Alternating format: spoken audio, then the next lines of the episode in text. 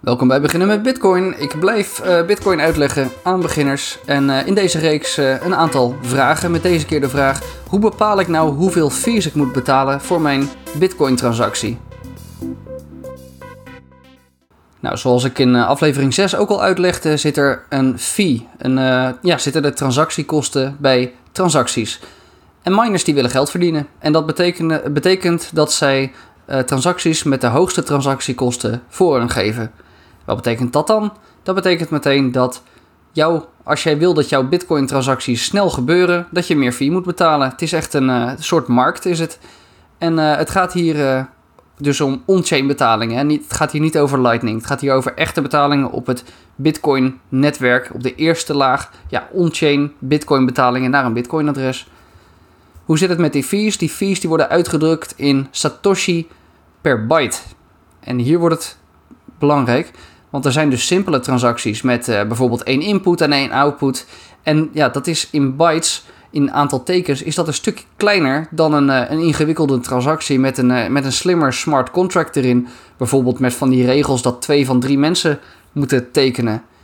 En het verschil in grootte betekent dat we dus niet een vaste prijs per transactie kunnen geven, maar dat is de reden dat we in Satoshi per byte rekenen.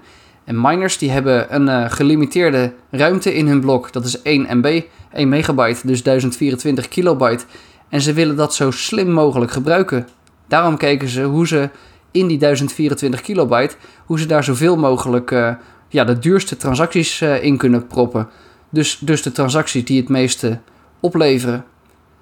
Nou, je, je wil misschien een transactie doen en dan denk je, ja, wat voor fee moet ik hier nou bij geven? Een aantal wallets die voorspelt dat ook al voor je.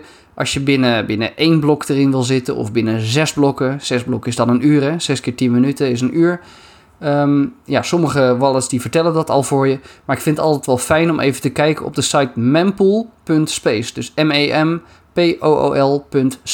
Als in uh, ruimte. En uh, nou, die, die geeft je ook een, uh, een suggestie voor het aantal fees. En je ziet daar naast die suggestie van het aantal fees, dan zie je ook het volgende blok, hoe het daar zit met de transactiekosten. Daar zie je hoeveel sats per byte er wordt betaald. En je ziet daar bijvoorbeeld dat er gemiddeld 120 satoshi per byte uh, wordt betaald om daarin te komen.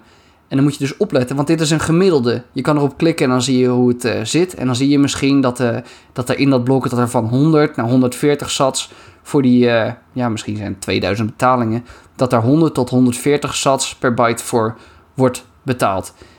Met dus gemiddeld 120 sat per byte. Nou, als je, als je dan in het volgende blok wil komen, dan zou je dus kunnen bedenken: ik ga 101 Satoshi betalen. En als het blok dan direct gevonden wordt, dan zit jij erin. Maar als er voordat dat blok gevonden wordt, en dat kan 10 minuten duren, soms wat langer, soms wat korter. Stel dat er opeens 100 transacties bijkomen van 110, ja, dan wordt jouw 101 wordt er misschien net uitgeduwd. Dus het is een beetje toekomst voorspellen, want je weet niet ja, wat voor transacties er in de toekomst gaan komen. Maar dat mempool.space, die site, die geeft je dus een beetje een idee. Nou, je kan dus ook beslissen om heel weinig te betalen als je toch tijd hebt. Uh, en ja, dat doe ik ook wel eens. Dan, dan open ik bijvoorbeeld een Lightning kanaal. Dat is ook een on-chain betaling. Uh, die, uh, die verstuur ik dan met 1 Satoshi per byte. Het laagste wat je kan betalen. Nou, heel veel wallets die staan je ook nog toe. Als je dat een beetje eng vindt om er maar één te betalen, dan staan heel veel wallets staan je nog toe om later de fees aan te passen. Dat heet RBF, Replace by Fee. En dan, uh, dan stuurt hij gewoon een nieuwe transactie met een hogere fee als je het uiteindelijk toch te lang vindt duren. En als tweede optie, als het maar niet bevestigd wordt, jouw transactie, dan kan de ontvanger van die betaling, die kan jouw goedkope betaling, uh, die kan die uit gaan geven.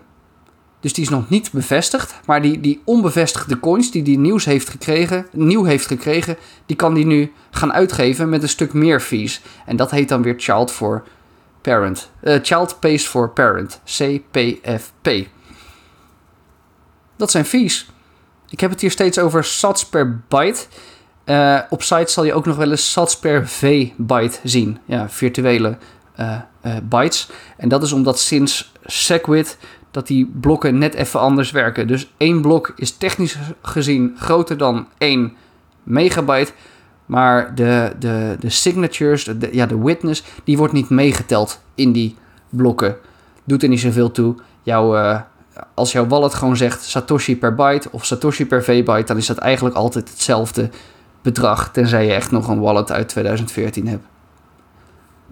Nou, dat uh, was het voor deze QA. Tot de volgende keer. Blijf je vragen stellen en uh, raad de podcast ook eens aan aan iemand anders.